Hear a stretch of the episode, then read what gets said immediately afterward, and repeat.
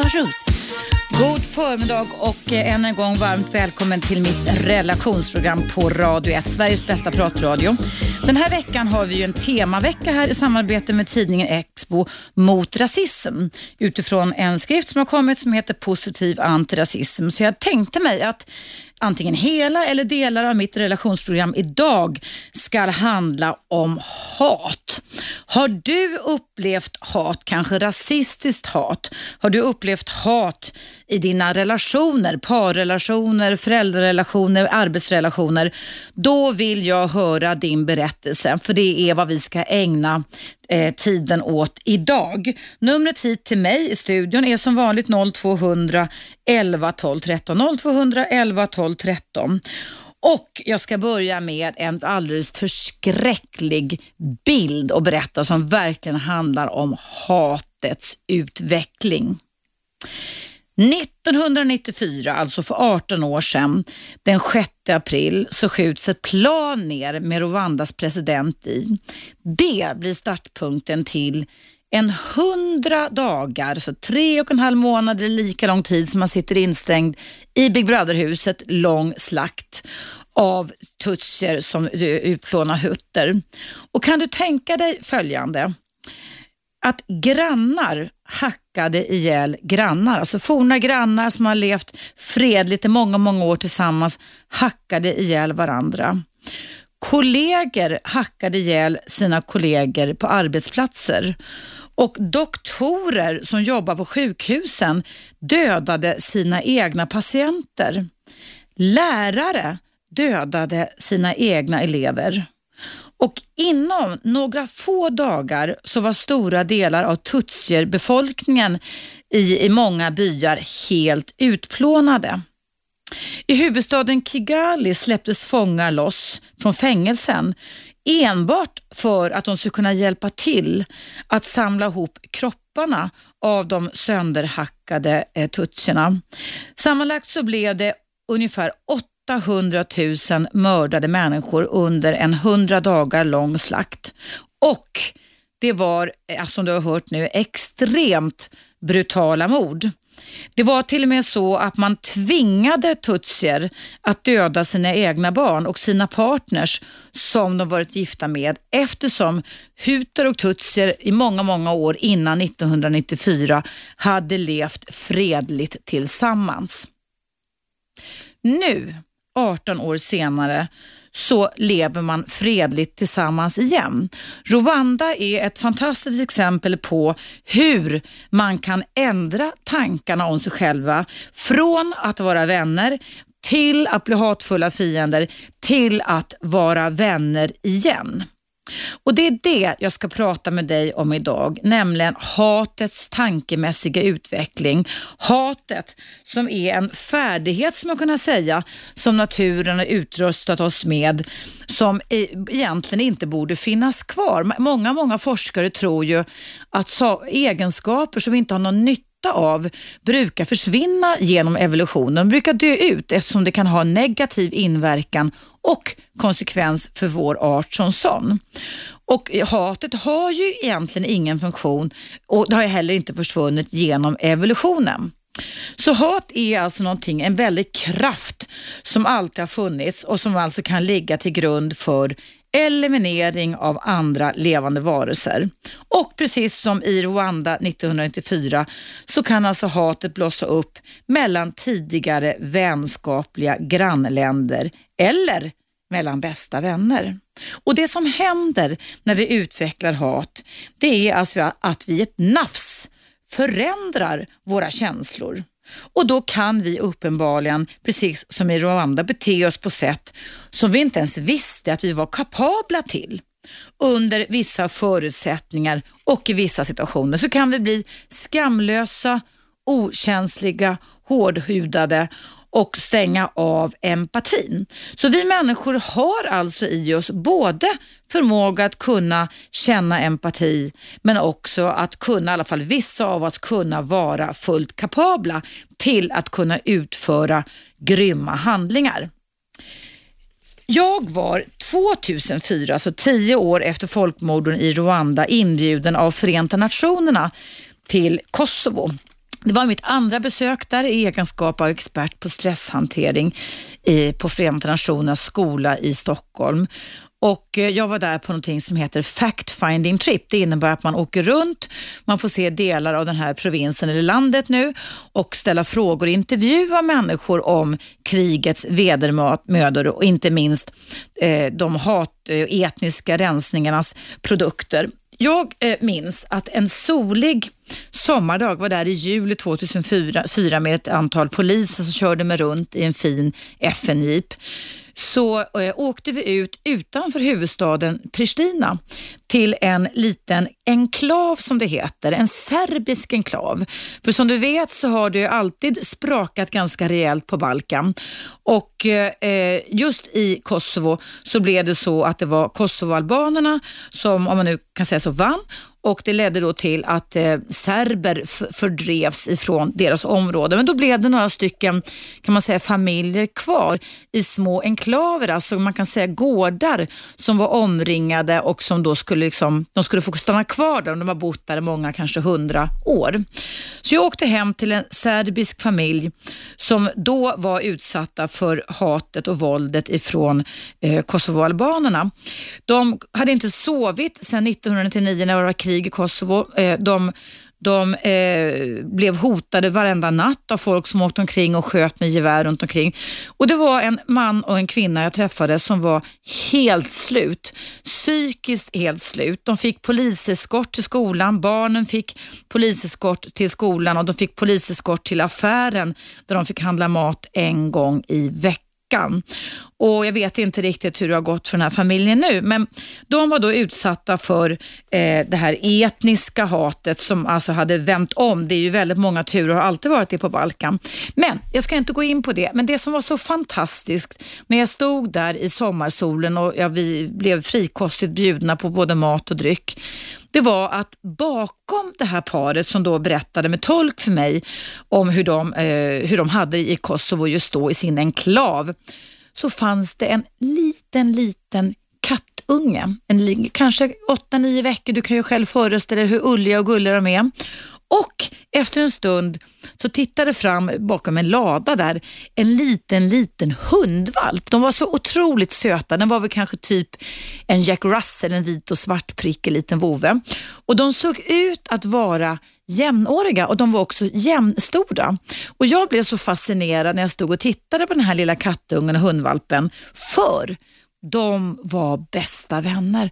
Och under tiden som vi stod och pratade, jag med den här serbiska familjen i enklaven utanför Pristina, Kosovo, så lekte de och de tumlade runt och de lekte ta fatt och de lekte kurragömma och de låtsades till och med, det var så fantastiskt, som att den ena spelade död. Det är ju en av våra flykt eller strategier för överlevnad.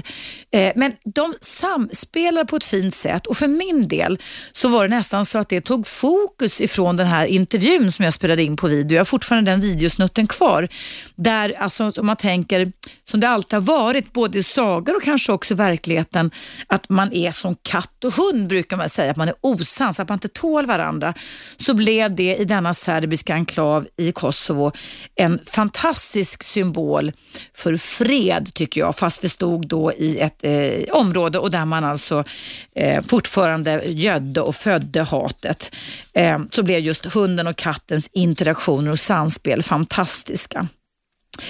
Eh, det som jag tycker är så fantastiskt också, om jag går tillbaka till mitt inledande exempel här, eftersom vi har en antirasismvecka som temavecka här på Radio 1, det är då att eh, åren, alltså många, många år innan 1994 i Rwanda när kriget, utrensningen kom igång, så levde man i fred, tutsier och huter tillsammans. Och nu 18 år senare så har alltså man har läkt i princip såren och man umgås sida vid sida igen. Och vad är det då man gör för att vi ska kunna ändra? Alltså, hatet kan ändra, kan, vi kan ändra våra tankar och känslor i ett nafs. Jo, vi har börjat använda tankeverksamheten. Och Jag ska berätta för dig väldigt mycket kunskaper kring när vi kan faktiskt påverka hatets mekanismer, hatets tankar och känslor. Och Har du upplevt rasistiskt hat, har du upplevt hat i parrelationer eller under din uppväxt på något sätt, då vill jag att du ringer in till mig och berättar din historia. För det är viktigt att vi belyser de destruktiva krafterna i samhället för att vi ska kunna lära oss att kunna bromsa dem i tid. Numret till mig är som vanligt 0200 11 12 13. Nu är det en liten paus och eh, stanna kvar efter den så hörs vi efter den.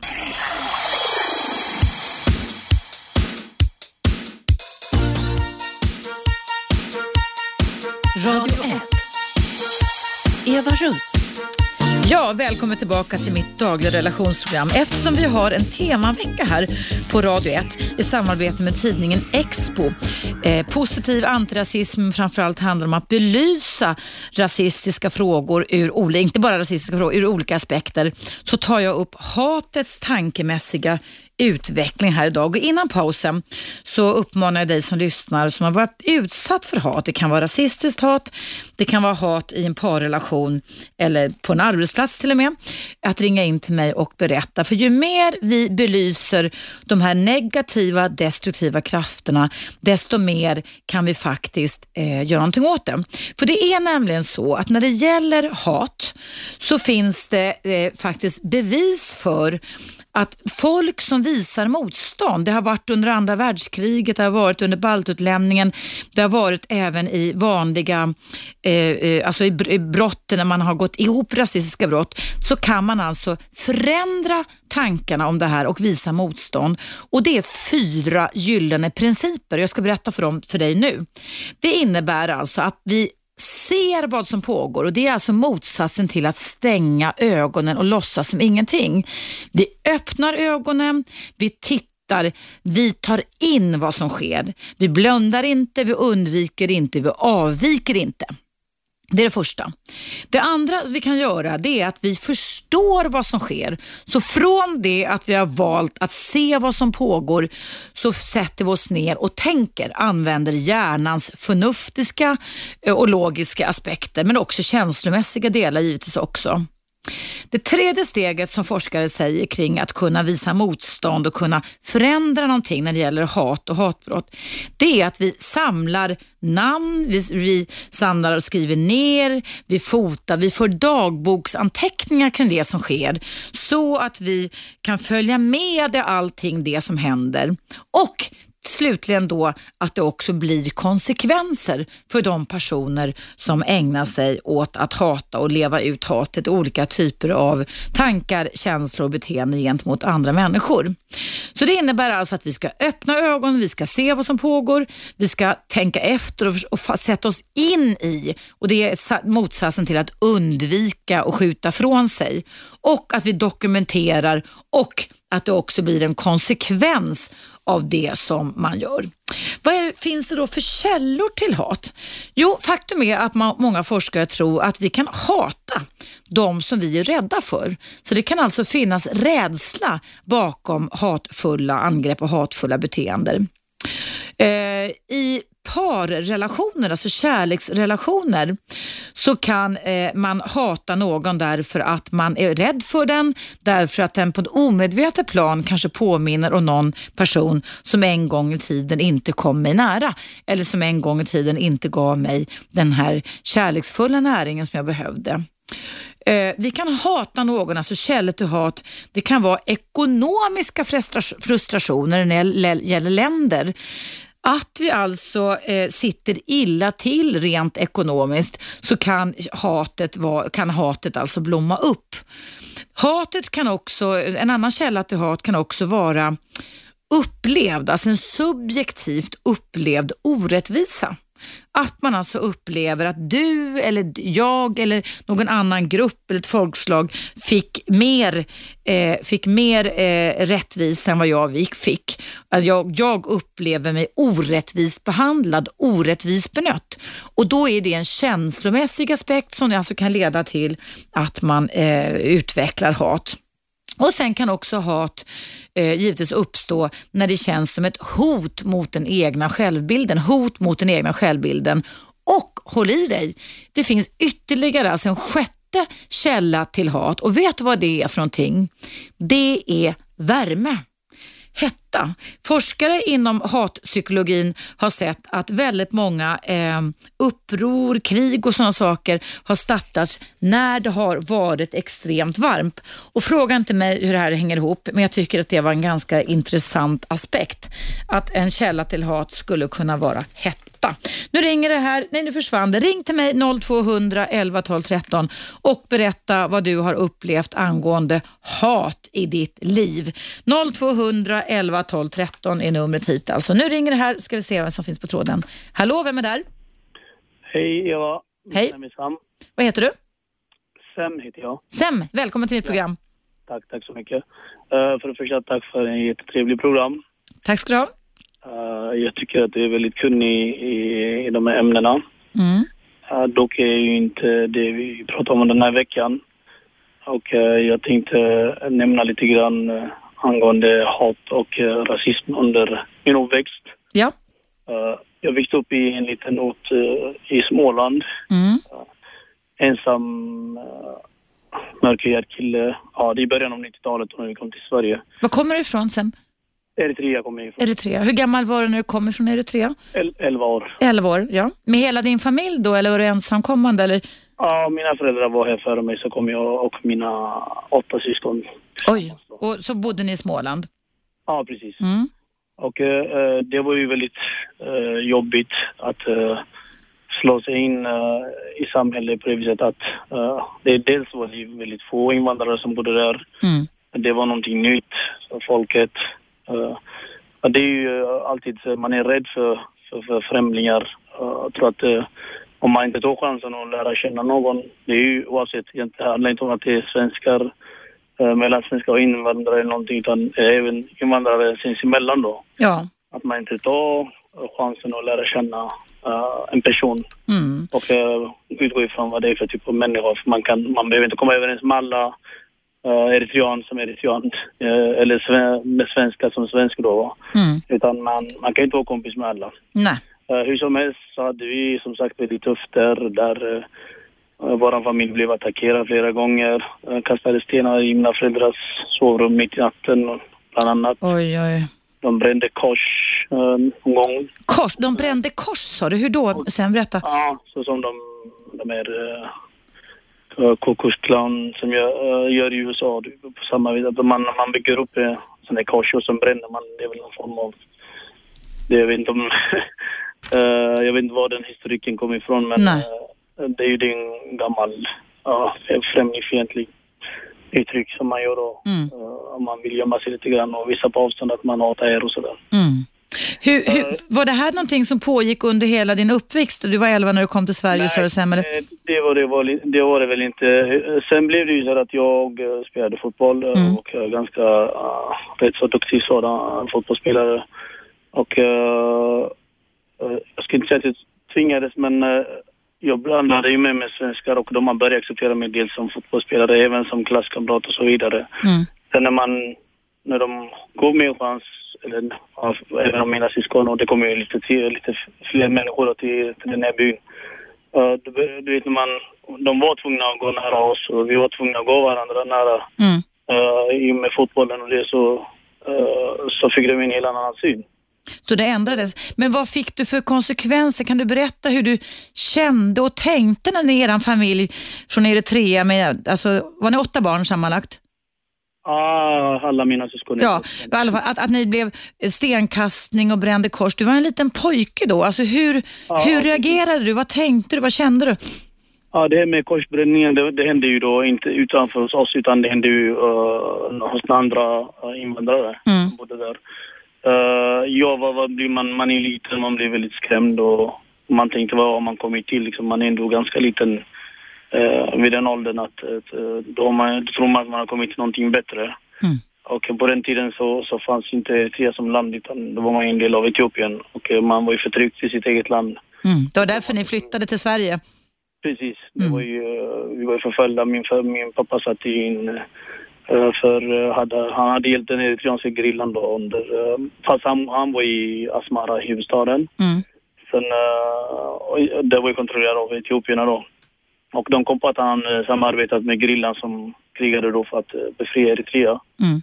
Och uh, ja, det var ju allvarliga då. Allvarliga grejer. Och han skulle ha ju dödats men han lyckades smita iväg och, och komma ut och sen kan hamna in till Sverige då. Var, var, det, var det ett eget val att hamna just i Sverige sen?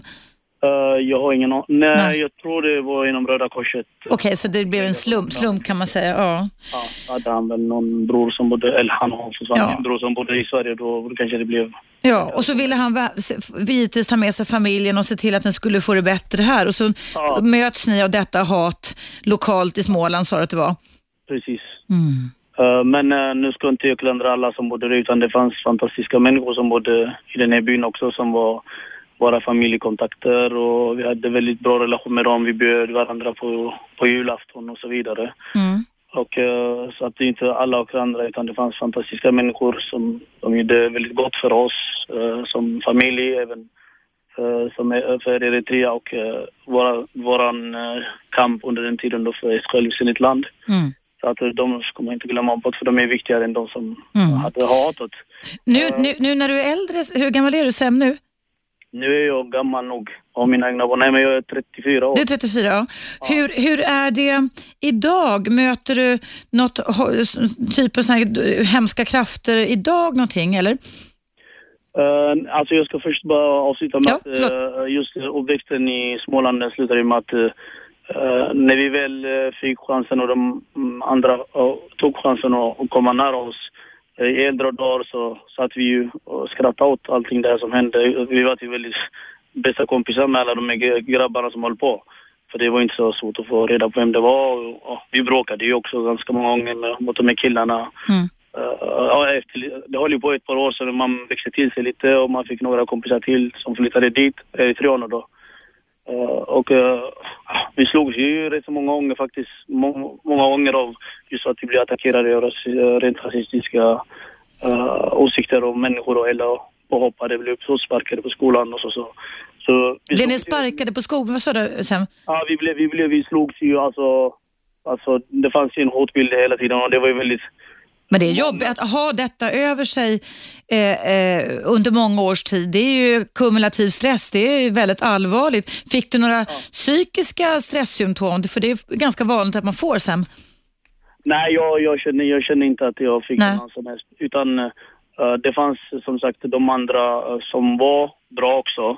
Mm. Eh, och de, de uh, fördömde i detta många gånger så de stödde oss och var på vår sida. Så att eh, det, det hjälpte ju en hel del då. Så att eh, man gick inte omkring och var att, uh, rädd Mm. dygnet runt utan man hade ju ändå uh, med polisen och Men man ska ju inte gå överhuvudtaget och gå omkring och vara rädd. Det är ju alldeles. Du Sam, det här, har du lust att stanna kvar eh, och fortsätta prata lite med mig och berätta din historia efter nyheterna? ja visst. Alltså. Har du lust med det? Det vore jättesnällt för vi måste ta en liten, liten paus nu. Då sätter jag dig på vänt och sen när nyheterna är över så pratar vi med varandra igen, okej? Absolut. Toppen, då hörs vi alldeles strax. Tack. Ja, kära vänner, jag pratar just med Sem som var 11 år när han kom hit ifrån Eritrea och han beskriver just nu det hat han var utsatt för. Och Det kan du också ringa in och eh, efter att Sem och jag är klara med oss, vårt samtal. Numret hit är 0200 11 13 och det är alltså en temavecka här på Radio 1 där vi jobbar mot rasism. Nu är det dags för nyheter och efter eh, nyheterna ska jag fortsätta prata med Sem.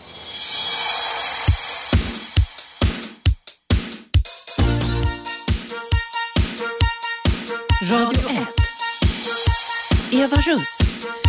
Varmt välkommen tillbaka till mitt relationsprogram som idag har tema hat. Har du upplevt hat, kanske rasistiskt hat eftersom vi har en temavecka här på Radio 1? Ring in till mig precis som Sem har gjort som jag ska fortsätta prata med alldeles strax. Numret är 0200 11 12 13 och det kan även vara hat i en kanske kärleksrelation eller parrelation. För det har nämligen visat sig som så att ju mer vi pratar om vad som pågår och vi förstår vad som sker och ju mer vi dokumenterar desto mer konsekvenser kan det bli. Vi kan förändra hatfulla personers eh, och gruppers beteenden ju mer vi uppmärksammar detta. Nu ska jag fortsätta med Sem. Hallå Sem! Hej. tack att du väntade. Det var en liten lång paus här. Jag ska bara berätta för nytillkomna lyssnare att du är en 34 år ung man som var 11 år när du tillsammans med dina åtta syskon kom till Sverige, till Småland från Eritrea. Japp. På grund av att din pappa var förföljd kan man väl säga då i Eritrea. Och när ni väl kom till Sverige, är Eritrea. i Eritrea ja. Etiopien som var en del, Eritrea som var en del av Etiopien på den tiden. Just det, och, och när ni väl kom till Sverige så var ni utsatta för främlingsfientligt hat kan man väl säga ganska under, under flera års tid när du gick i skolan. Precis. Då, vi fortsätter där Sam. Eh, sen sa du, och du sa att ni, det handlade om att folk var, precis som jag sa, att källor till hat kan vara att man är rädda för avvikande personer på något sätt. Ja, det, det stämmer ju. Det, eh, för mig, för mig känns, har det alltid känts, eh, i och med att de här killarna som håller på som mest, eh, de, de kommer ju att bli våra, vän, ja, våra väldigt goda vänner fortfarande, kontakt med, med dem fast jag bor inte kvar där. Nej. Eh, Så de som hatade blev ni sen vänner med? ja, ja, vi är bra polare fortfarande och bra kontakt och så vidare ibland. Och det var när ni närmade er varandra sa du? Alltså när ni började förstå, Ja. Efter känna till varandra efter ett tag eller? Precis efter ett tag man fick, man fick, ju, man fick ju in en fot i samhället om man ser inom fotbollen. Jag höll ju på med fotboll. Eh, och så kom det dit uh, några, som tur är, några till flyktingar från Eritrea också. Eh, Mm. Mina kompisar då sen. Mm. Och eh, vi blev ju ett gäng och eh, det var, vad ska jag säga, eh, till exempel vi satt eh, på bildlektionerna Mm. där, där ehm, ja, det fanns ju någon så väldigt konstig tid då, vet, någon, någon grupp som heter Ultima Thule som var, som var väldigt rasistisk eh, grupp, eh, Mm. alltså ett band som deras musik var väldigt populärt och det, det satt eh, de på när vi hade bildlektioner till exempel och vi protesterade och sa det till fröken eller till läraren och bildläraren. Hon, hon förstod inte vad det var för musik från början men sen självklart uh, sa hon till att det inte blev att de inte fick spela den musiken och sådär. Mm. Så att det fanns lite smyg... eh, jag vet inte om det var musiken som var bra, nu kommer jag inte ihåg liksom, Nej. vad det var, men det var främlingsfientlig Mm. eh, band som... Och, och då fanns det ju liksom, hela atmosfären var ju fullt av hat och främlingsfientlighet och, och så vidare. Hur, får jag bara fråga en sak Sam? Hur, hur talar ni det här, om det här i er familj eftersom ni då var en ganska stor barnfamilj och som blev utsatta för det här hatet när ni kom till Sverige? Pratar ni mamma och pappa? Alltså, pratar ni, ni syskon om det här? eller? Alltså våra föräldrar, de, de var ju äldre och de, de var väl inte ute och mötte med ungdomarna på samma vis som vi. Vi, var, vi skulle gå till fritidsgårdarna och ha aktiviteter som alla andra då. Mm. Och, eh, det var väl där eh, vi råkade ut för det här. Men just förutom de gångerna, två, nej tre gånger faktiskt. Två gånger i mina föräldrars sovrum, eh, en gång i vårt va- vardagsrum då. Vad hände där? Där de kastade sten. eh, Kastade in sten i vardagsrummet och så? Oh, förskräckligt. Eh, eh, ena gången, ja, två gånger i mina föräldrars då. Mitt i natten är det som händer då. Det är enormt, skrä enormt skrämmande sånt. Precis. Och uh, ena gången då i uh, vardagsrummet. Och det, det är väl det som jag tycker är egentligen värst. Jag som ung uh, vid den tiden, okej jag, jag kan väl tjafsa med någon som är i min ålder och hit och Mm. dit. Så det, men just att det, att, det, att det gick så långt så att de gick, att mina föräldrar, fick Mm. uh, betala för det här också. Det var ju Ja, det var ju lite på, de tog det till en annan nivå. Ja. Det, det, det, var, det var det som var jobbigt. Så det, ju, det tyckte jag var, det är det jag kommer ihåg mest. Du, vad, vad, sen vad har det blivit för konsekvenser idag för din familj och, och dina föräldrar också? Drabbas ni av hat och eller främlingsfientlighet idag på något sätt? Ja, jo, det... Ja, numera bor, nu bor, numera bor vi de flesta av oss. Eh, en bror bor fortfarande kvar där och jobbar och sådär. Men äh, resten har ju flyttat till Stockholm och äh, man, man känner väl, man är inte väl, man är inte i kontakt med svenska polis om man, om man inte är vid jobbet och, och så vidare. Och jag, jag tycker ändå att äh, det har blivit mycket bättre. Det var ju någonting nytt, speciellt i sådana här småbyar. Det var ju väldigt nytt med utlänningar eller invandrare överhuvudtaget. Mm. Det- jag tror det var me- mest rädsla och uh, och jag menar även eh, mina syskon efter mig, de som är yngre än mig då, Mm. de fick ju det till och med bättre eftersom eh, folk började få först- förståelse för invandrare. Vi fick berätta, ibland skriva lite frågor vad, vad vi hade flytt ifrån och så vidare. Och det spred Kunskaper, ja precis, sprida Precis, kunskaper. Ja. Och ökade ibland. Så mina yngre syskon har ju inte på samma vis Nej. drabbats. eh, Så, som, för de var ju lite mer beskyddade för de var, började ju på, de var i dagens ålder så att de, Mm. Mm. det är väldigt... eh, Och det är, vi var ju tonåringar kan man ju säga, vi var ju 12-13 år. Ja. Och det är det man, man, de flesta ungdomar börjar bete sig Ja. åt något håll då. Så när Just man är lite yngre så är man bara, man bara leker. Men just när, i vår ålder var ju väldigt konstigt, eller inte konstigt men just den åldern som är väldigt jobbig att hantera då. Mm. Speciellt om man uh, bemöter sånt här. Eh, så att, eh, men jag tycker att idag det är mycket bättre. Jag menar, eh, jag skulle inte säga att jag kan vara främlingsfientlig men jag kan vara fientlig mot de som inte vill göra rätt för sig i samhället. Mm. Det, det är ju det är de som som inte vill jobba, de som tycker det är bättre med socialbidrag, det, det är jag också fientlig emot. Så Det handlar inte om att uh, hit eller ras dit, utan de som inte vill göra rätt för sig och jobba och bidra Mm. eh, i samhället, de, de, de, de ska vi tycka illa om allihopa. Så länge man är funktion, eh, inte funktionshindrad och kan jobba Mm. och Mm. tjäna sin egen levebröd, det, ska man, Mm. det tycker jag definitivt man ska göra. Men det är mycket mindre det här med att man, eh, man ska vara vit, man ska vara arisk, man ska vara det hit och dit. Det, det är ju det är mycket mindre. Mm. Och eh, egentligen har den aldrig varit så stor heller, förutom att det var ju själva okuns- okunskapen som. Okunskapen och rädsla och okunskap. Så att Ja, det- där har vi det också ett exempel på att hatarna blev dina bästa vänner sen.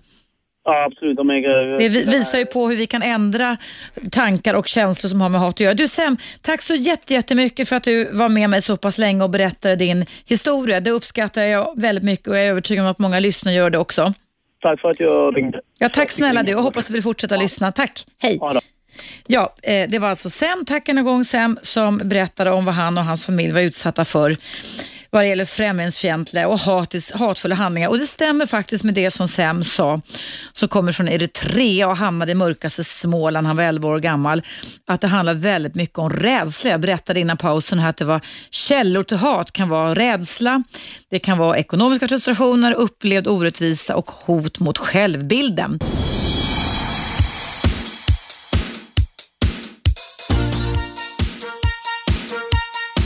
Radio Eva Russ. Ja, välkommen tillbaka. Idag pratar jag om hatets mekanismer. Har du upplevt hat, eller kanske inte upplevt hat, eller främlingsfientligt hat, eller hat i en parrelation, eller själv varit en sån som har hatat och kanske till och med ändrat dig? För det finns väldigt många exempel på att hatet är en kraft som vi kan påverka med kunskaper och med förändrade tankar. Då förändras också våra känslor till att vara, från att vara heta och rädda till, eh, eller kokande till och med som hat kan vara, till att vara lugna och utforskande och vänligt sinnade. Jag har Valdemar på tråden här. Nu ska vi se. Hallå Valdemar. Ja, Hej, välkommen till mitt program. ja, tack så mycket. Vad ville du säga för någonting? Det är ett trevligt program tycker jag. Tack så mycket, det var roligt att höra. Ja, jag, jag måste säga att jag har varit här i Sverige i 45 år och jag har aldrig upplevt rasism. Va? Nej. Trots att jag ser ganska utländskt ut. Mm. Jag tror att invandrare som kommer till Sverige måste anpassa sig till den svenska kulturen. Va? De ska inte leva sig i getto och, och med sina gamla värderingar. Om de inte tycker om det svenska samhället ska de sticka ifrån. Va? Det, det är bara så. Va? Hur gjorde du när du kom hit Valdemar? Du är från Portugal berättade för mig. Ja. Hur gjorde du för att anpassa dig för 45 år sedan? Ja, men det är vä- väldigt enkelt att, eh, att anpassa mig till det, den svenska kulturen och de upplever vara ödmjuk och, eh, se fördelar med det. Att, att det är ett bra samhälle som... eh, Men hur, men hur lärde du, var, hade du någon här i Sverige Valdemar som lärde dig den svenska kulturen? Eller? Nej, jag kom alldeles ensam. Det, det hade jag inte. Du var helt själv? Nej, jag kom alldeles för mig själv. Ja. Inget, jag hade ingen som kom före mig. Nej. Och det, det, det att man måste varje riktigt för att arbeta. Va? Man kan inte komma som du på, på sista 30 år i Sverige. Man kommer invandrare från alla håll. De kommer inte hit för att arbeta. Det är i stort sett för att leva på bidrag, förtidspensioner och massa sådana grejer. Det är klart svenska folk blir ju tycker inte om sådana grejer. Va? Det gör jag inte heller som invandrare. Jag tycker inte om att folk ska hit till Sverige och leva på bidrag och, och allt sånt. Nej, nej. Och du har Det- varit, det- men så att du har inte upplevt hat på något. Det är väl jättebra inte tycker jag. Nej, fantastiskt. Jag, det är för att jag kom hit och började jobba direkt. Ja, att komma ut i arbetslivet direkt. Ja. Inte börja jobba, gå i svenska kurser och bara parasit, parasitera aktiviteter. Jag kom hit för att jobba. Mm. Och det är det som invandrare som ska komma till Sverige göra. Då blir de väl mottagna, det är bara så. Mm. Inte komma hit och bara kräva ersättningar och bidrag och massa sånt. Va? Mm. Mm. Till slut att svenskar tar stånd från sådana människor. Och det gör jag. Jag, är vän med- jag, jag har ingen samhörighet med... Och, om jag ska prata om rasism. Jag har haft mer problem med muslimer här i Sverige än, än med eh, svenskar. Har, du, har du haft det? Ja, muslimer, de är mest homofobiska människor som finns. De är emot de är emot många, sud- vet, vi som söder, söderupp, va? Spanien, Portugal, Italien. De gillar inte oss, för vi är mer öppna och fria. Vi, är mer, vi, oss väldigt lätt till Sverige. Va? Men de gillar inte sånt grejer. Va? De tycker att vi ska vara, vara som dem, om man säger så. Det, det, det, det är min uppfattning. Det, Ja. Ja. ja. Du, tack så jättemycket Valdemar för att du bidrog med åsikter kring eh, främlingsfientlighet och hat. Det var skönt att höra att inte du varit utsatt för det. Det tycker jag var jätteroligt att höra. Nej? Jag, anpassar mig till svenska värderingar. Okej, då vet vi det. Tusen tack för att du ringde in och tack för dina åsikter. Hej då. Hej. Ja, kära lyssnare, du lyssnar på mig, Eva Russ, i mitt dagliga relationsprogram. Och vi har ju en temavecka som du kanske har förstått nu här då på Radio 1 mot rasism och främlingsfientlighet. Och idag så pratar jag om hatets tankemässiga utveckling, hatets psykologi.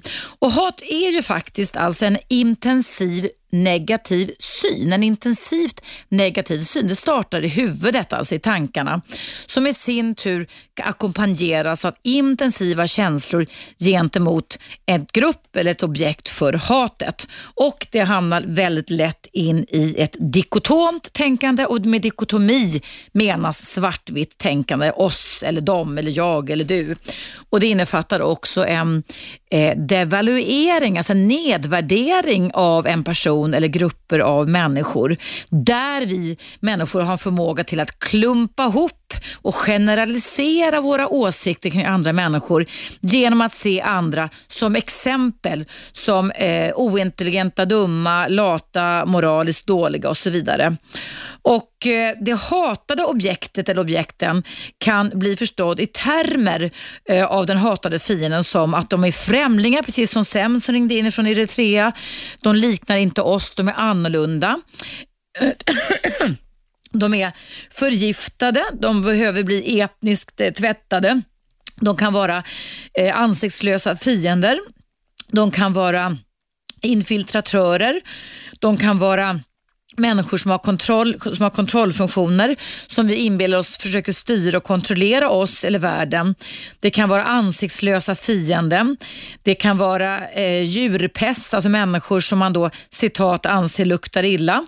Det kan vara Satan, alltså där, nu pratar jag om hur vi tänker. Att vi tänker att hatets ursprung, de starka kokande känslorna kommer ifrån synen som vi har som sen sätter igång intensiva koka käns kokheta känslor. Det kan vara Satan, en fiende från Gud och det kan vara en som vi får för oss förstör vår framtida öde, förpestar oss och vår framtid. Och hatpropaganda som man har sett som har ackompanjerat mänsklighetens historia genom ett antal eh, krig och världskrig innehåller och fyller framförallt tre funktioner. Det ena är det att vi förnekar intimitet, att alltså vi visar avsmak gentemot landet, ledaren eller den etniska gruppen. Vi förnekar inte, vi vill inte komma nära. Vi visar avsmak, alltså det är så starka känslor. Eh, den andra eh, som ingår i hatpropaganda, det andra delen då, det är också att det finns en passion, alltså återigen känslor. Där eh, en drivkraft i det här, som precis som Sem som berättade för mig här som kom från Eritrea, kan handla om både ångest och rädsla. Och sen så finns det också i hatpropaganda eh, ett beslut, ett åtagande i själva hatet som innebär att man nedvärderar och förminskar andra genom sitt koncept. Och Det innebär också att man committar sig, alltså man är väldigt lojal till sina, kanske då, eller till sina falska övertygelser och man lägger ner ett engagemang till att få andra att tänka och tycka samma sak gällande de då falska åtagandena. Eh, en person som har påverkat psykologin väldigt mycket det är ju en man som heter Maslow. Det kanske du har läst om i skolan, Maslows behovspyramid där han pratar om vad vi människor behöver för att kunna känna oss trygga. trygga. Trycka, nu vad säger jag trygga. Eh, och han har då en teori om mänskliga behov. Och eh, när hans teori kring hat, när han har uttalat sig kring det, eller gjorde det förr, han lever inte längre, så menar han på det att det kan handla om när vissa behov inte blir mötta så fortsätter de att liksom pressa på inom oss för att vi ska känna oss nöjda. Så han pratade Maslow om inre kraft. Och då menar han att det kan innebära att man kan försöka fylla på dem på väldigt destruktiva sätt. Det är väl intressant att vi alltså försöker pressa på och fylla på behoven på destruktiva sätt. Och Då kan vi hamna i allt det som kan handla om eh, kallt hat, hett hat, kallt hat, att det är fel på andra grupper, att vi tankemässigt förminskar andra människor eller som massmördaren i Norge vars namn jag inte nämner i mitt program har en form av både hett och kallt hat eller kokande hat och delar in människor i olika grupper där det är alltså submänniskor som finns. Har du upplevt hat på något sätt? Ring in till mig, numret är 0200 11 12 13. Hallå, vem är där? Hallå? Det är Jari. Hej Jari, hej! Välkommen till mitt program. Jag stänger, jag stänger av radion. Mm. Uh, jag hat är en rolig grej faktiskt för uh, man ska kunna hata och samtidigt ska man kunna förstå att det var fel efteråt. Mm. Det ska inte vara så här att det blir en livstidsproblem för en människa att nu hatar jag alla afrikaner eller jag hatar alla finnar och så vidare.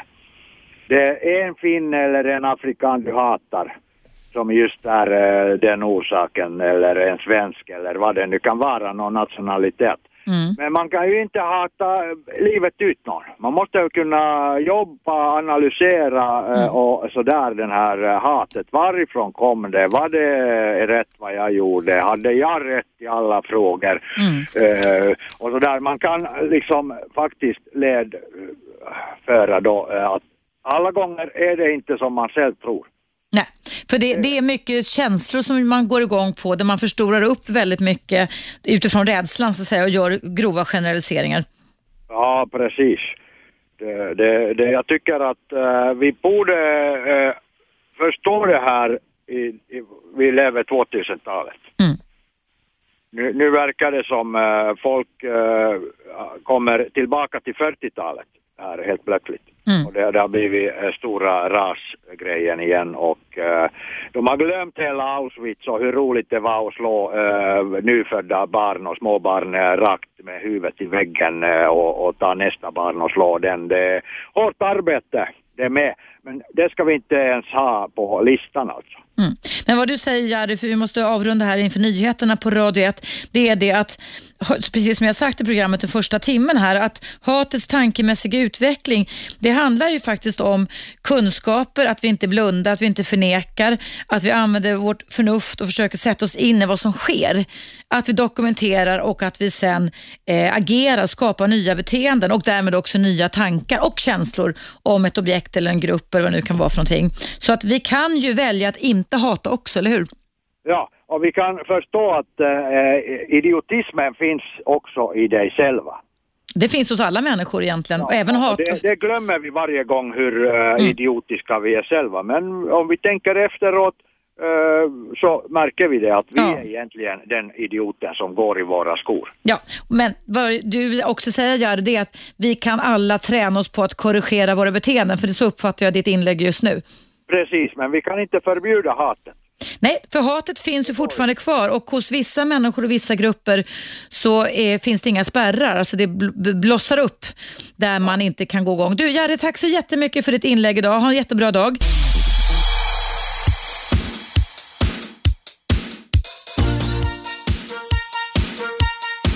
Radio 1. Eva Russ. Ja, varmt välkommen tillbaka till mitt dagliga relationsprogram. Eftersom vi har en temavecka här på Radio 1 eh, mot rasism och främlingsfientlighet i samarbete med tidningen Expo så jag har valt att ägna mitt två timmars direktsända relationsprogram kring hatets tankemässiga utveckling. Har du upplevt hat, främlingsfientligt hat, eh, rasistiskt hat eller har du varit en hatare själv eller upplevt det i någon parrelation eller under, under en uppväxt? Eh, ring in till mig. Numret är som vanligt 0200 11 12 13. Jag har i den första timmen här pratat med eh, Sem och Valdemar och Jari som eh, har Sem som eh, faktiskt var utsatt för hat eh, och, och även rasistiska överfall i sitt hem när han kom som 11-åring med sin familj från Eritrea men som nu vid 34 års ålder är god vän, blev god vän med hatarna och som hänvisar till att det handlade väldigt mycket om rädsla. Att när man är rädd så kan man dra igång hat, eller vissa människor i alla fall. Och Valdemar som kommer från Portugal och bott här i 45 år har aldrig upplevt det och Jari som kommer från Finland menar att det handlar om att kunna, eh, visst kan vi känna hat och det håller jag med om, vi måste kunna se upp och korrigera våra tankar. Och eh, jag berättade inledningsvis i min första timme om eh, de här fruktansvärda folkmorden i Rwanda som ägde rum under hundra dagar där man slaktade tutsier, eh, något så förfärligt, där forna grannar slog ihjäl sina grannar, kollegor sina kollegor, doktorer dödade sina patienter och lärare sina elever och det var då 1994. Innan dess, innan det här hände i Rwanda, så hade man levt väldigt, väldigt fredligt sedan i början på 1800-talet. I över 100 års tid så hade tutsier och hutter levt tillsammans, sida vid sida och var ofta gifta med varandra. De hade alltså inget som helst problem att samarbeta med varandra. Men det man tror, eller man, är ganska, man i alla fall i en av mina böcker där jag forskat kring det här, var en eh, start kring detta, eller det var två saker. Det var då det att eh, man tyckte att det, det fanns alltså orättvisor och, och, hat kan alltså födas när man skapar föreställningar om upplevda orättvisor. Upplevda orättvisor. Och då var det faktiskt så att eh, Radio Rwanda redan i, eh, eh började alltså redan 93, ett år innan folkmorden drog igång i april 94, att sända anti eh, alltså reklam mot tutsis i Rwanda. Och man alltså piskade upp en stämning.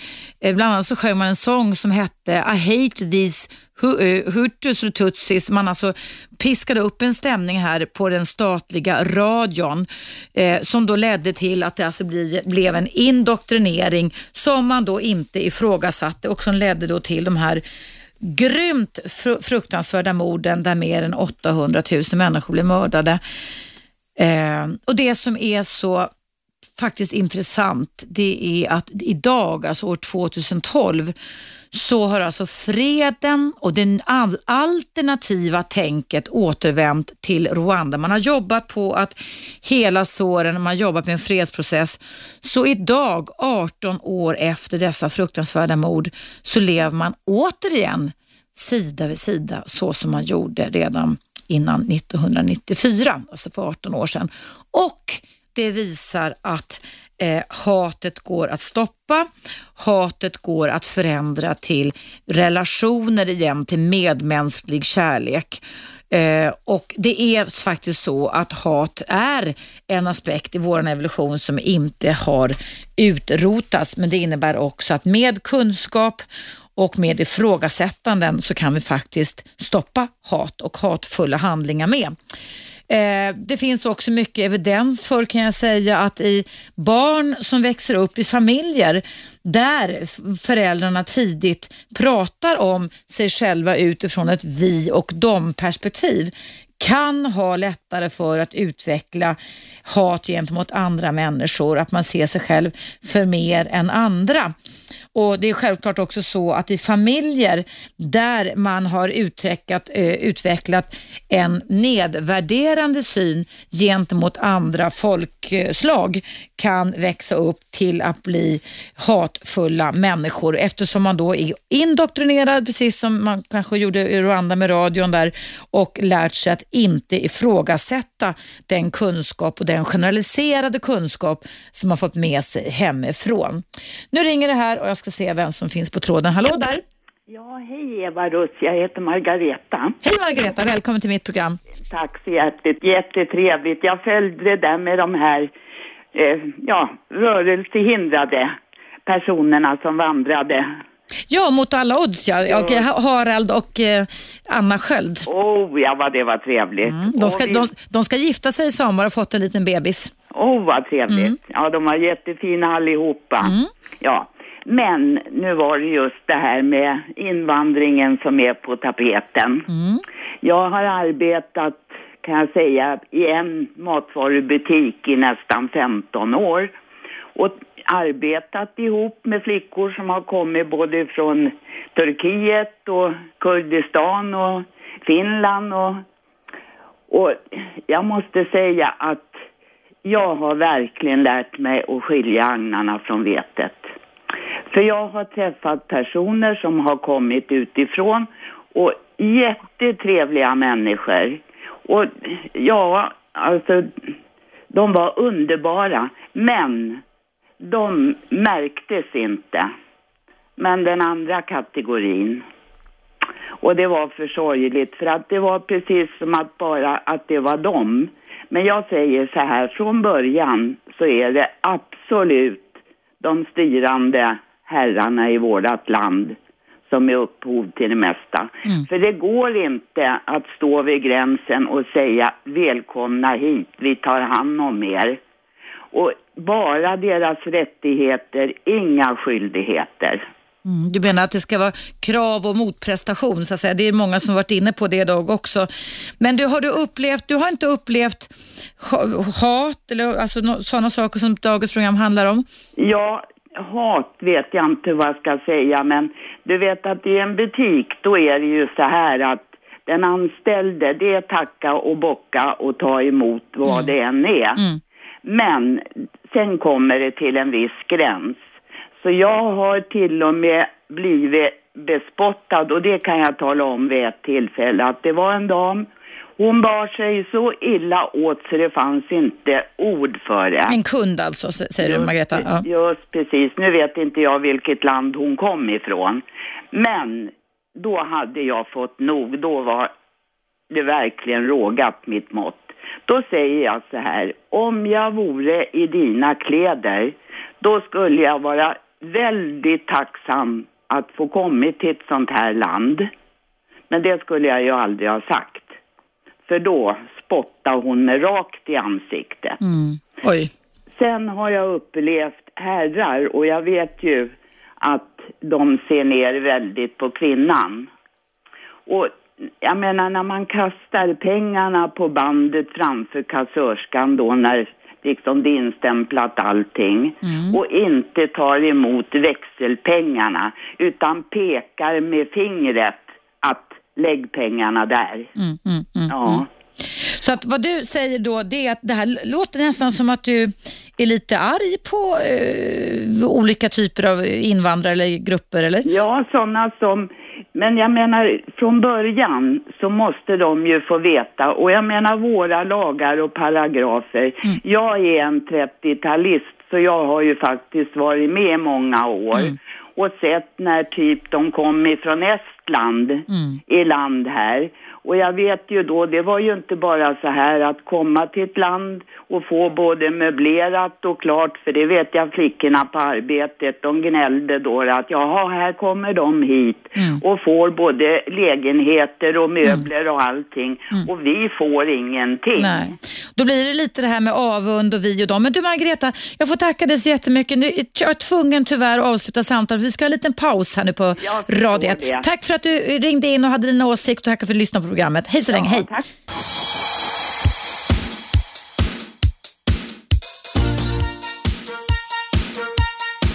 Radio 1.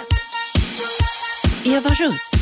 Ja, varmt välkommen tillbaka till mitt relationsprogram. Idag pratar jag om ta hatets tankemässiga utveckling.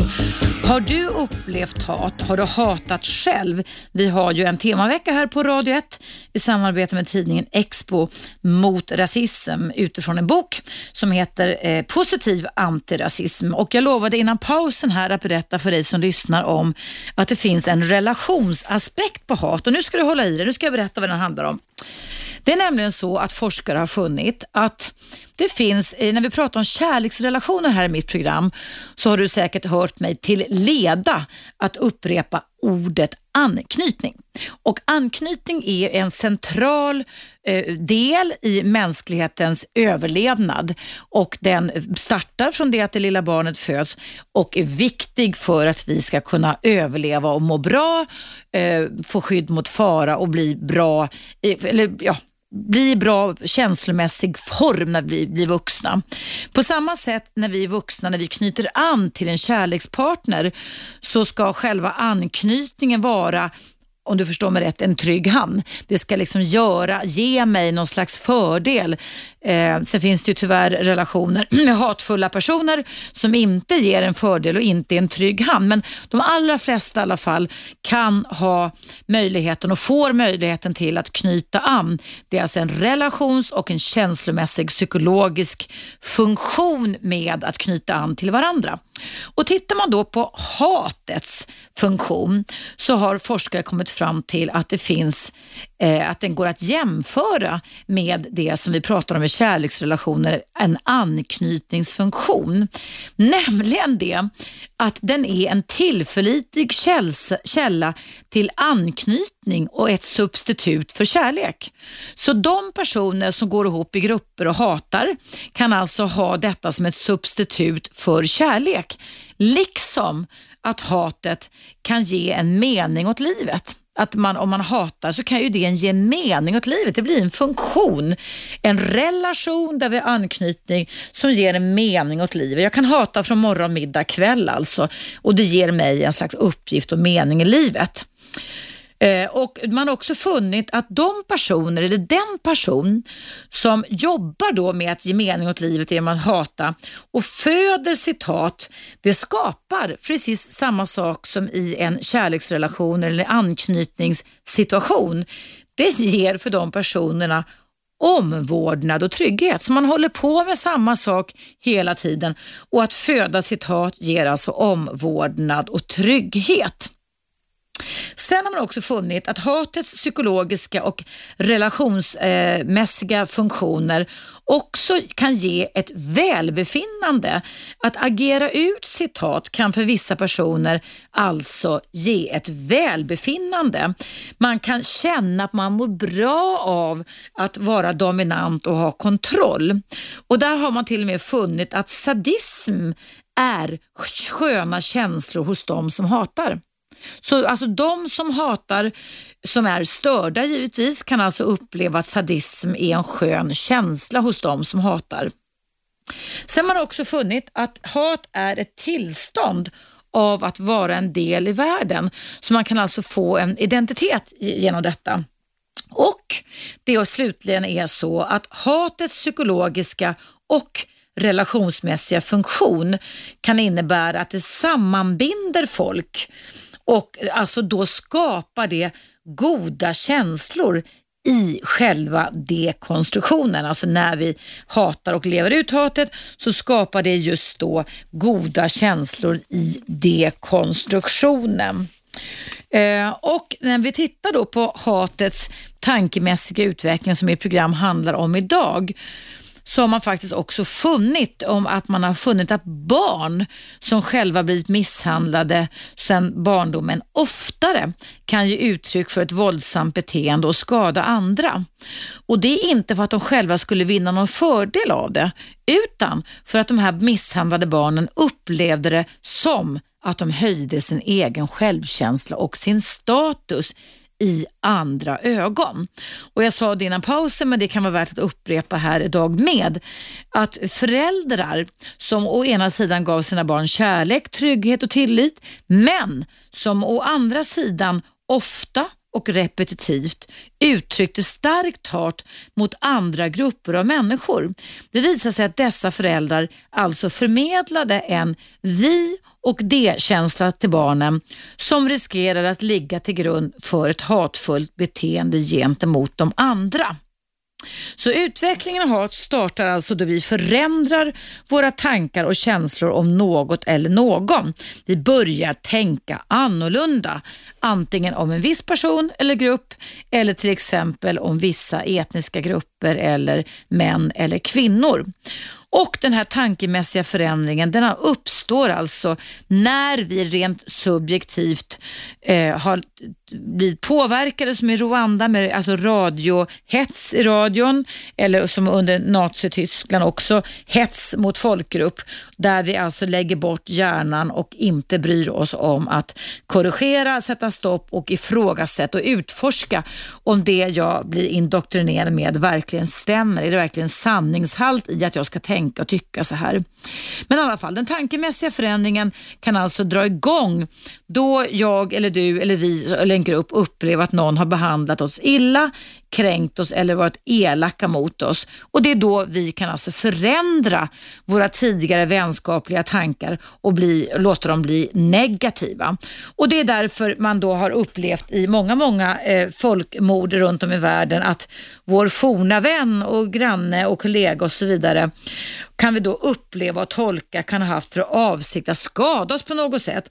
Och Då kan alltså styrkan i våra negativa tankar bli ännu kraftfullare. Och eh, just hatets mekanismer, det innebär alltså att vi kan gå igång, eh, att vi kan alltså kan uppleva hot mot vårt eget ego eller vårt egen grupp som i sin tur alltså skapar negativa effekter och som då utifrån hatarens synvinkel i alla fall rättfärdigar våld, att man har rätt att ge igen och ge tillbaka. Så det handlar alltså om en ändrad syn. Sen är det ju så att det är inte alla människor eller alla folkgrupper som kan i ett nafs ändra sina tankar. Men jag tycker att just de alldeles förfärliga folkmorden i Rwanda är ett mycket intressant tankemässigt exempel på hur hatets tankemässiga utveckling kan göra att människor som har levt tillsammans, som har jobbat tillsammans i kanske mer än 150 års tid på ett fredligt sätt plötsligt indoktrineras, eh, inte minst via radion i Rwanda, till att hata varandra och att det är startpunkten för en hundra dagar lång slakt av tutsier som då blev ihjälslagna och ungefär 800 000 mördade av sina eh, forna grannar hut, hutterna. Och eh, nu 18 år senare så har fredsprocessen i Rwanda lett till att nu lever man sida vid sida igen fredligt och det innebär alltså att man har ändrat tankarna om varandra än en gång. Visst är detta jätteintressant.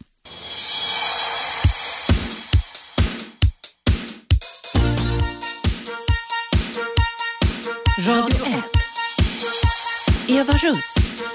Ja, varmt välkommen tillbaka. Den sista skälvande halvtimmen här i mitt relationsprogram så öppnar jag härmed och nu upp för friåkning och det innebär att du som lyssnar just nu är varmt välkommen att ringa in till mig och ställa frågor som har med relationer, sex och samlevnad att göra. Och är det så att du vill kommentera och har någonting att berätta någonting att berätta som har med upplevt hat att göra så är du självklart välkommen att ringa in angående det med. För det har större delen av mitt program ägnats åt eftersom vi har en temavecka här på Radio 1 som du kan följa på Twitter, hashtag SamX, via Facebook och om du är nyfiken på vad jag har tagit upp kring hatets tankemässiga utveckling så går det alltså att lyssna på programmet när som helst på Radio 1 eh, Play.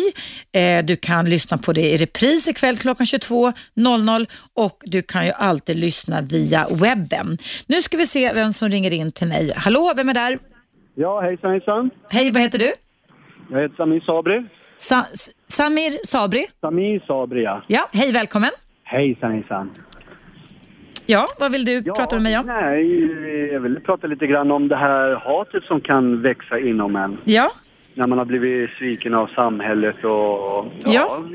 föräldrarna Ja, har du, vad har du för upplevelse Samir av detta? Ja, eh, ja, då ska ni få en chock här. Jag, jag, eh, om man börjar så här. När jag var 15 år så fick jag ta på mig ett mord Mm. som min far ha- hade begått. Och må han vila i frid, han är död sedan två år tillbaka. Du fick ta på dig ett mord som du inte hade begått för att skydda din pappa. Exakt. Mm. Det, var, det, var, det var värst måste jag säga, verkligen. Ja. Tappa inte andan nu bara. men- Jag, jag har varit med om mycket, jag ska inte tappa andan. Ja. Och eh, därefter så växte ju hatet, sveket mot för, föräldrarna och sen efter två år sen så erkände jag det här. Jag satt på ungdomskliniken i Fruängen. Eh, de trodde ju på mig och eh, sen... Eh, Du erkänner att du inte hade gjort det eller att du hade gjort det? exakt, jag erkände att det inte var jag. Ja. Och polisen kom ju och förhörde mig men de gjorde ingenting åt saken. Så, men ungdomskliniken trodde ju på mig och de släppte ut mig. Det fanns ingen anledning att hålla mig kvar. Mm. Och så socialen placerade mig tillbaka till farsan och jag bara, men hallå, är ni helt sjuka i huven? Eh, jag bröt ut där, jag slog sönder socialkontoret och sen sökte jag mig utåt. Mm. Och därefter så växte hatet. Mm.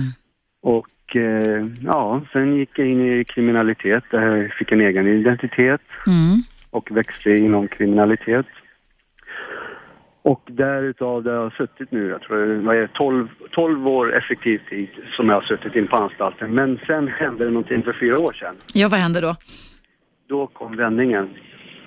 Då eh, träffade jag en man i namnet Igor Cantigliani. Han jo- jobbade med teater inne på anstalterna. Ja.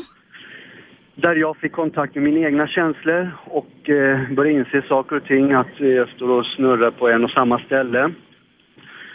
Och därav jag fortsatte med teatern och eh, jobbade med mina egna känslor och eh, allting runt omkring. Mm. Och eh, där jag har nu ett eget projekt, Second Chance, där jag hjälper ungdomar krim, från kriminalvården, från utanförskapet och allt möjligt.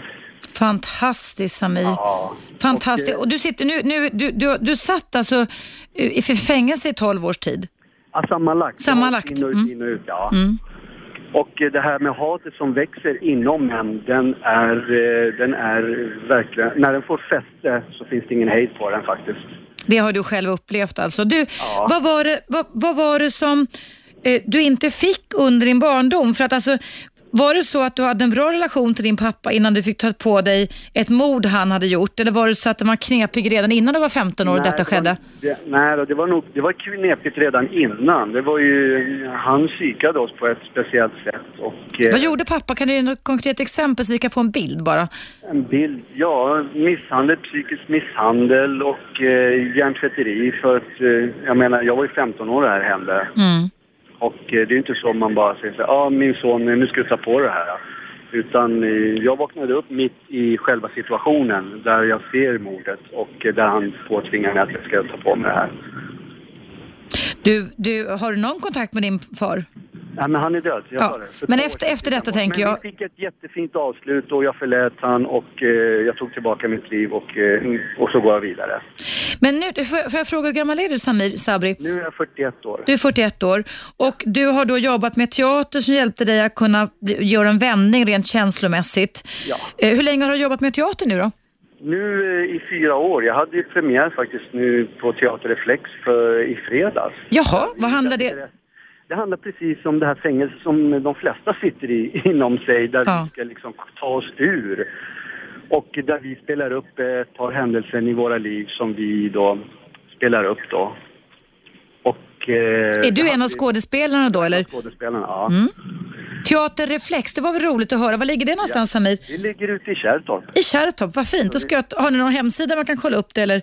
Vi, Teater Reflex hemsida, du kan kolla upp det där. Vad roligt. Ja. Och pjäsen heter vad då som du hade premiär på? I, vänt, I väntan på vad då? I väntan på vad då? Hur länge ska ni spela den Samir? Eh, nu har vi fått tillstånd att vi ska få gå ut på anstalterna. Och det är ju där jag blir själv upptäckt via teatern. Så jag hoppas väl att jag hittar någon chef som vi kan rädda. Ja, ja. Att eh, ja, jag har ju skapat mycket problem runt om i samhället. Så att eh, hjälper man en och, och liksom att hitta den personen Mm. till sig själv och så, då kan man bespara en jä- jättemassa miljoner. Och det du säger Samir, tänker jag, det är ju det att du alltså upplevde ett, ett intensivt hat, ett kokande hat. Dels därför att din, din far tvingade dig att ta på sig ett mord som du dessutom var vittne till när du var 15 år gammal. Ja. Och sen kokade det inom dig liksom i, hur många, 12 år då, eller 15 år, eller hur länge höll du på att koka? Nej, det, det är från 86 hände det här. Ja. Det är 25 år sedan. Så att jag kan ju säga så här att eh, med tiden har jag åkt in och ut och in och ut på anstalter där Ja. jag har då eh, beskyllt min far också för liksom, att jag har suttit inne för det. Mm. Men eh, sen när jag började inse liksom, nej, men jag kan inte skylla allting på min far. Jag får ju ta mitt eget ansvar. Mm. Och så är det liksom. Mm. Och det enda jag ville från min far liksom att han ska själv ta på sig sitt eget ansvar. Mm, mm. Va, alltså, varför tror du din pappa gjorde så här? Det är ju en för, så förskräcklig händelse, så det är tur jag sitter ja. ner Samir, så att säga. Men, Ja. alltså, vi ska inte skratta, men alltså, alltså, hur, hur kan en pappa tvinga en son att ta på sig ett mord han själv har utfört? Ja, det är en bra fråga. Jag kan ju bara säga så här att jag pratar med en sån lätthet nu. Det är ju Ja. liksom för att jag har bearbetat det här Jag förstår det. tid. Och eh, jag eh, jag kan ju bara säga så här att jag tänker så här, så mycket människor som jag har skadat i mitt liv här Mm. nu när jag har hållit på med kriminalitet. Jag kan inte, det är väldigt svårt för mig att jag ska gå till dem och, och förlåt mig, förlåt mig. Mm. Men eh, det jag gör nu så hoppas jag, så att jag hoppas att man ska få eh, någon förlåtelse. Det är väl mitt sätt att betala tillbaka. Mm. Och eh, jag kommer säkert träffa en och annan person som jag kanske har utsatt för någon fara eller skadat eller gjort någonting. Mm. Men, Men, men, ta, ta, ta, ta itu med det då. men, men jag lösningen någonstans är att bli bekräftad, alltså känslomässigt. För du sa att det blev ju en vändning och det innebär Samir att du kommer, är du övertygad om att du aldrig kommer att bli en hatare igen? Ja, att jag ska hata? Ja. Nej, jag kommer inte hata. Det är, det är borta liksom ifrån dig? Ja, men det är en process det här. Det går inte över på ett år. Utan jag är fortfarande på den, på den, på den vägen om man säger så. Och jag säger så här att eh, ja, jag, jag kan säga, jag, vem är jag som ska döma min far efter hans ryggsäck? Jag menar, jag har ju förstått att han måste ha gått igenom någonting som han har varit när han var liten, va? som har utlöst Mm. eh, det som har hänt där då. Mm. Och eh, när man börjar liksom rannsaka sig själv och lyfter upp sin ryggsäck på bordet och börjar inse saker och ting och börjar vara ärlig mot sig själv Mm. Så börjar man inse saker och ting för att eh, du kan inte fly från dig själv. Nej. Så är det, bara. det, Nej. det hinner ikapp en och tar du inte tag i det nu så kommer det då lite längre fram men det, det är synd att man ska liksom ligga på sin dödsbädd och, och liksom förlåt jag, jag har skadat dig och gjort det ena och det andra. Mm. Men, Mm. Så att eh, det, det är en process och det är en bearbetning som du, du gör med dig själv. Mm. Och vad tycker du du har fått för vinst för dig? För jag förstår att det är många vinster givetvis då att du, du, du avhåller från kriminalitet och fått, fått, kan hjälpa andra människor? För det, det är det. Men har du fått någon betydelse för ditt relationsliv till exempel? Att sluta Eh, jag hata? Mm. här, jag har fått den högsta vinsten och det går inte att mäta i pengar. Jag har min fru som har stått vid min sida i, vad är det, 20, 21 år har vi varit tillsammans nu. Och hon har följt hela min bana här. Och eh, vi har en son på 13 år Mm. som jag älskar högt över skyarna, både min fru och eh, min son. Och det jag har fått nu tillbaka mitt liv, det, ja, det, det är otroligt mycket. Alltså, Bara att hitta tillbaka till sig själv Mm. Är en stor vinst. Du, ska du inte ta och skriva en bok om det här? Jag tycker det här Ja, Samir jag har Sa- redan blivit erbjuden. Ja, Samir Sabri, du får komma ihåg det namnet. Det här är ju en enormt kommer, intressant historia. Ja. Så att... ehm, Det finns nästan inga böcker vet om hat och psykologi. Jag åker ofta regelbundet till USA och, eller beställer på nätet också och går på kurser. Men det är få experter som är som mig alltså, som intresserar sig för det överhuvudtaget. Och det borde man ju verkligen göra nu när det varit så mycket rättegångar både i Malmö och Norge kring Absolut. hatets utveckling, eller hur? Men jag tänker, du, du kan ju verkligen beskriva hur du som 15-åring hamnar i det här heta och kokande hatet. och hur det har vuxit Ja. och eh, vad var alla dessa känslor. Men många gånger är det så här att eh, det är ju känslor. Mycket känslor som vi har inom oss som eh, vi är rädda för. Mm. Och, eh, och tar man inte reda på egentligen vem man är. För jag brukar säga så här att eh, när vi väl kliver, kliver ut från våra bostäder så vi sätter på oss masken och så går vi ut och gör vår roll här i världen. Men eh, någonstans så kommer den där masken falla. Mm. Och eh, då är det viktigt att man kanske har en viktig person runt omkring en som kan ta emot en. Mm. Fast du hade ändå en fru under hela tiden även när du var Ja, hatfull. Och, och, Ja. Så det, du kunde ta till dig det ändå, eller hur? Då? Ja, absolut, ja, ja. Mm. Hon gjorde väl sina försök att tränga in och tränga igenom ditt hatfulla skal, Samir, eller hur?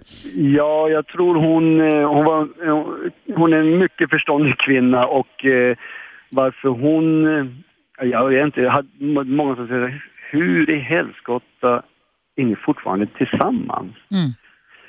Jag kan ju bara säga så här, det måste ju finnas någon, någon tro på en person för att det ska, för att det liksom att någon ska kunna Ja, alltså hon, hon, måste ju, hon måste ha trott på mig så starkt Mm. och där jag också liksom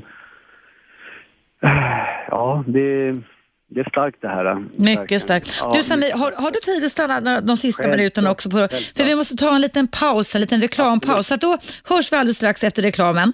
Ja. Toppen, tack. Ja, du lyssnar på mig, Eva Russ, i mitt dagliga relationsprogram. Jag har pratat om hatets tankemässiga utveckling och jag ska fortsätta samtalet med Samir Sabri som har varit en hatande person i många, många år, men som har fått en vändpunkt i livet och börjat bli en person som är en god medmänniska och gör goda gärningar. Visst är detta jättespännande, så stanna kvar efter pausen.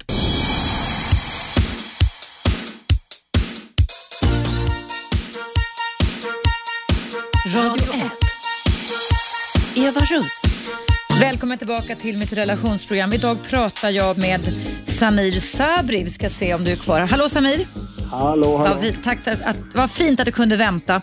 Ja. Eh, jag ska bara berätta för nytillkomna lyssnare att vi pratar då om hat och hatets tankemässiga utveckling. Och du berättade innan pausen här att eh, din pappa tvingade dig att ta på dig ett mord när du var 15 år ung. Och Då satt jag och tänkte här i pausen Samir, du, eh, eh, är det så att man kan ärva hat? Är det din upplevelse? Jag tänker din pappa måste ju varit väldigt hatfull också om han slår ihjäl en annan man, eller? Ja, eh, det var inte en annan man, det var uh, våran styvmamma. Han slog ihjäl din styvmamma. Ja. Men de, det måste ju ha varit otroligt starka känslor och spänningar då mellan din pappa och, och henne, eller från hans sida i alla fall, för att han skulle göra detta, eller? Ja, det, eh, ja, det är väldigt... Vi har ju levt i... Om man säger så här, farsan misshandlade min riktiga mamma Mm. och sen fick ju hon eh, kalla fötter där hon eh, drog sig undan och flydde. Och då Mm. säger min pappa till oss när vi var små att ja, titta er mamma, hon, hon lämnade oss i sticket. Men jag visste ju inte att eh, han ville egentligen döda henne. Och det fick jag veta längre fram. Mm. Så han förminskade henne. Det är lite typiskt som hatare gör, Samir, att man förminskar och det, det, det, kon- det, alltså, devaluerar andra människors existens. Men det måste ha fått betydelse för dig, din mammas relation också. Absolut. Jag har ju, efter det där när min pappa berättade det där till mig att nu har hon dragit härifrån. Då, tro, då trodde jag att min mamma svek oss. Just jag ju, så jag började ju tycka illa om min mamma. Ja, Men det är så hat kan börja, det är så så ja. kan börja liksom. Ja. Och, eh, jag kommer ihåg min mamma när hon berättade till mig när, när, när vi hade rättegång om det här. Mm. Då sa hon så här, Samir, min son, jag vet att det var inte du. Det är din far som har gjort det här. Mm. Din far ville döda mig och det var därför jag flydde. Och då tänkte jag, vadå, vill han döda dig? Du lämnade oss. Och där fick jag en liten tankeställare, men jag var ju så inne i den här situationen, att liksom att jag ska ta på mig mordet och liksom jag ville bara få skjuta bort henne. Nej, så jag ville ju rädda min pappa in i det sista och, och, och så är det. Vi Mm. barn, vi, vi, vi håller våra föräldrar, Mm. Ja, det gör man oavsett det gör man oavsett. hur illa man blir med. Men du får jag fråga en sak, Samir. Eh, Du får fråga 10, 20 Ja, det var gulligt. Jag tänker, Samir Sabri, eh, eh, jag tänker som har vänt om och nu jobbar på Teater Reflex var det i Kärrtorp, eller hur? Ja, vi, har, vi jobbar, jag har startat en egen, eh, eget projekt, Second Chance, där jag har sammankopplat med eh, Teaterreflex. Så vi jobbar tillsammans med Det heter teater. Second Chance Second Chance. och det är för alltså, kriminella då som ska omvändas. De som, ja, som jag hjälper dem tillbaka till samhället och Jättebra. många gånger så är det så att de har ju problem när de kommer ut från, från krimina, kriminalvården Mm. och då ställs ju otroliga krav på dem att de ska till Arbetsförmedlingen, socialen och det är papper och du ska göra både det ena och det andra. Det funkar inte. Du, du har ett sånt din kropp in, invändigt är så förstörd så att eh, visst, du kanske klarar av att jobba eh, en, två månader, sen brakar det. Mm. Du måste ta itu med det själv när man har varit i de här situationerna. Mm, mm. Jo, jobbar du ideellt då Samir eller är du anställd? Eller? Det, nej, jag, i, I föreningen så, så är jag anställd via Krami som betalar min lön då. Vad bra, vad bra. Ja. Jo, då, jag, jag tänkte på Samir, det var det här att, vad tror du din pappas hat kom ifrån som ledde till att han skulle försöka döda sina fruar och lyckades med att döda en? Någonstans måste ha kommit från min... Vad tror du, alltså? Från hans pappa och mamma, självklart. Vad hade de varit med om? Vad då, du låter som ett utländskt namn, var kommer ni ifrån? Ja, min pappa, han var den första syrianen här i Sverige, 67 kom ju de. Ja, Och eh, då flydde de ifrån eh, från Turkiet och eh, nu kan inte jag hela historien men eh, min far han jobbade inom kyrkan och de skickade han hit till Sverige. Och då hade han kontakt med vad jag förstod med Anna-Greta Leijon Mhm. på den tiden, det var 67 och eh, där vi var utsatta i, i, i Turkiet då och så fick vi komma över hit till Sverige då 67. Mm. Så den första syrianerna det var min far och eh, 25 familjer fick åka då okej. vid det flyget då. Mm. Och eh, ja, det har ju varit svåra förhållanden där borta på den sidan och eh, hatet måste ju vuxit också någonstans i hans barndom. Och det har ju någonting med kvinnor. Jag menar, min mamma eh, försvann från min far eh, 1980 någon gång och eh, sen eh, gick, dog, eh, och han dödade henne, den här kvinnan då, 86. Mm. Sen gifte han om sig med den tredje kvinnan. Och den kvinnan eh, lever tack och lov idag. Och eh, där jag fick ta henne och dottern och gömma dem eh, hos kvinnojouren. För att hon kom fram till mig och sa, Samir jag tror inte att det var du som dödade den här kvinnan. Jag känner på mig att det är någonting, att din far kommer göra någonting med mig, säger hon. Och jag, då blev jag helt kall. Jag bara, men herregud, shit. Nu, då fick jag som en flashback. Mm. Så jag blev ju rädd och så då tog jag dem direkt och bara körde dem till kvinnojouren. Och farsans och var, var, är de någonstans? Var tog de vägen? Eh, Hon kan inga vägar här i Sverige. Han låste in dem i stort sett. Mm. Och, En väldigt kraftfullt hat din pappa hade mot kvinnor, men inte mot, kvinnor, inte mot er som. Eller var ni fler barn, Samir? Ja, det är jag och min bror och syster. Ja, var, han var inte hatfull mot er då? Nej, inte på det sättet. Han ville ju liksom eh, ta vara på oss, alltså inte skada oss. Men det är ju, du ser ju, vadå skada? Vi Mm. ju skadade för livet. Ja. Hur kom det sig att du var den som, av er tre syskon som blev utvald att ta på det mordet som din pappa hade utfört på sin fru? Äldsta, son. Du var äldsta sonen. Han, när, han, när han utförde det här så, så sa han så här, Samir, om jag, kommer, om jag åker fast för det här då kommer inte ni komma se mig. Och, eh, och vadå inte se dig? Ja, då kommer inte ni se mig, jag kommer få livstid. Ja, men du ska ta på det här. Ja. Mm. Det, det, säg att det är du så kommer du ut bara efter två, tre år. Ja, men vadå, jag var 15 år. Det är inte mycket man förstår då. Du, men du, din pappa, sen när du sa att, när, att det inte var du som hade gjort det, hamnade han bakom lås och bom sen? Nej, nej de, de gick och förhörde min far och det hände ingenting mer. Säger du? Vad konstigt. Ja, ja, alltså det här är... Jag sitter inte och ljuger eller... Nej, nej, nej, nej, nej. Absolut nej, nej. Tyvärr är systemet så här och jag kan ju säga så här, det, det, jag jobbar ju ute, jag har ju varit i Fryshuset också. Mm. Jag har fått väldigt bra kontakt med, med Anders Karlberg och, och han känner ju till min historia. Ja. Och eh, där fanns det ju en polis också som, eh, som jobbade med ungdomar som sa så här, men kan inte jag få gå och rota i ditt ärende Samir? Och jag sa, ja men självklart gå och rota ifall du kan göra någonting. Mm. Så han gick han har ju sina kollegor, så han gick in och kollade i, i arkivet. Kläderna som jag hade på mig då och, och eh, kniven, allt, all bevismaterial var borta helt plötsligt. Och, Säger du? eh, Mm. Ja, och eh, för där kunde man ju se, för jag berättade liksom att eh, du vet, om, man, om man sitter på, på en människa och så knivhugger 60-70 gånger, ja men det är Mm. klart det sprutar blod. Ja, det är klart. Jag tog ju min tröja och mina shorts och bara skrapade lite grann, alltså bara knuggade. Så man kan ju se, men herregud, det är omöjligt att du har suttit på en människa om man gör Mm. en riktigt stor undersökning. Mm. Men eh, de, jag har ju också ifrågasatt polisen hur de jobbade på det sättet. De sa, ja, men låg en död kvinna där, du erkände ett plus ett blir två, så gjorde man ingen stor sak av det. Ja, det låter jättekonstigt. Men ja. det var 1986, det är ju inte så himla länge sedan egentligen. Nej. Nej. 26 år sedan, ja. Nej, och jag har ju hela tiden liksom var, eh, varje gång liksom som jag har åkt fast eh, och, och, och suttit in med så har jag alltid börjat med förhörna liksom, nej men jag vill prata om det här mordet. Och de bara, men nu sitter du inte för något mord utan nu sitter du för något bankrån. Så du har inte blivit mött att kunna få nej.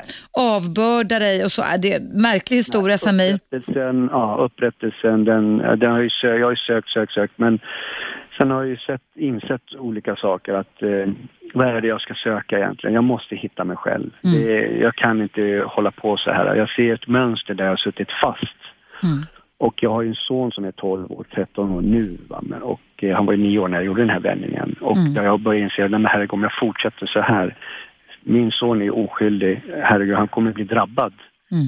Har han blivit det då, Samir, avslutningsvis? Ja, han har, han har uh, kommit, uh, han har ju besökt mig på fängelserna och mm. uh, det, jag, jag, när jag var i de här kriminella, jag har inte varit rädd för någon. Alltså det, jag har ju bara väntat på när jag gjort något bankrån, hoppas jag möter polisen så ska jag börja pricka av av all hat liksom. Och där är, kommer en farlig grej där kanske inte polisen förstår sig på vem, vad är det för person, det är, vem är det som döljer sig bakom denna mask? Nej, just det. Just det. Mm. Men har din son blivit påverkad? Mår han bra då, din han, son? Han mår bra nu, tack mm. och lov. Men det är klart han har blivit påverkad. Ja. Jag säger så här, jag har inte varit rädd för någon. Den enda som jag har varit rädd för, det är för min son när han ställer mig mot väggen. Ja.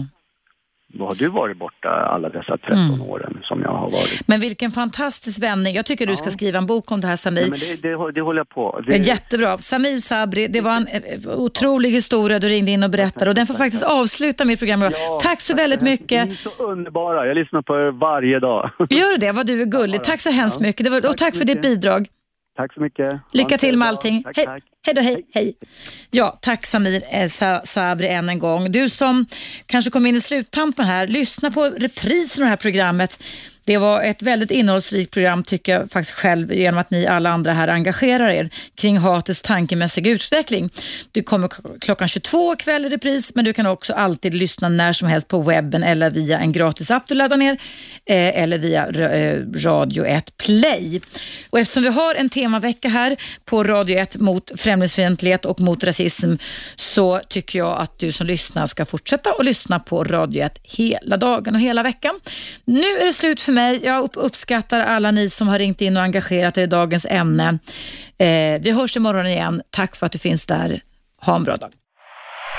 101,9 Radio 1 Sveriges nya pratradio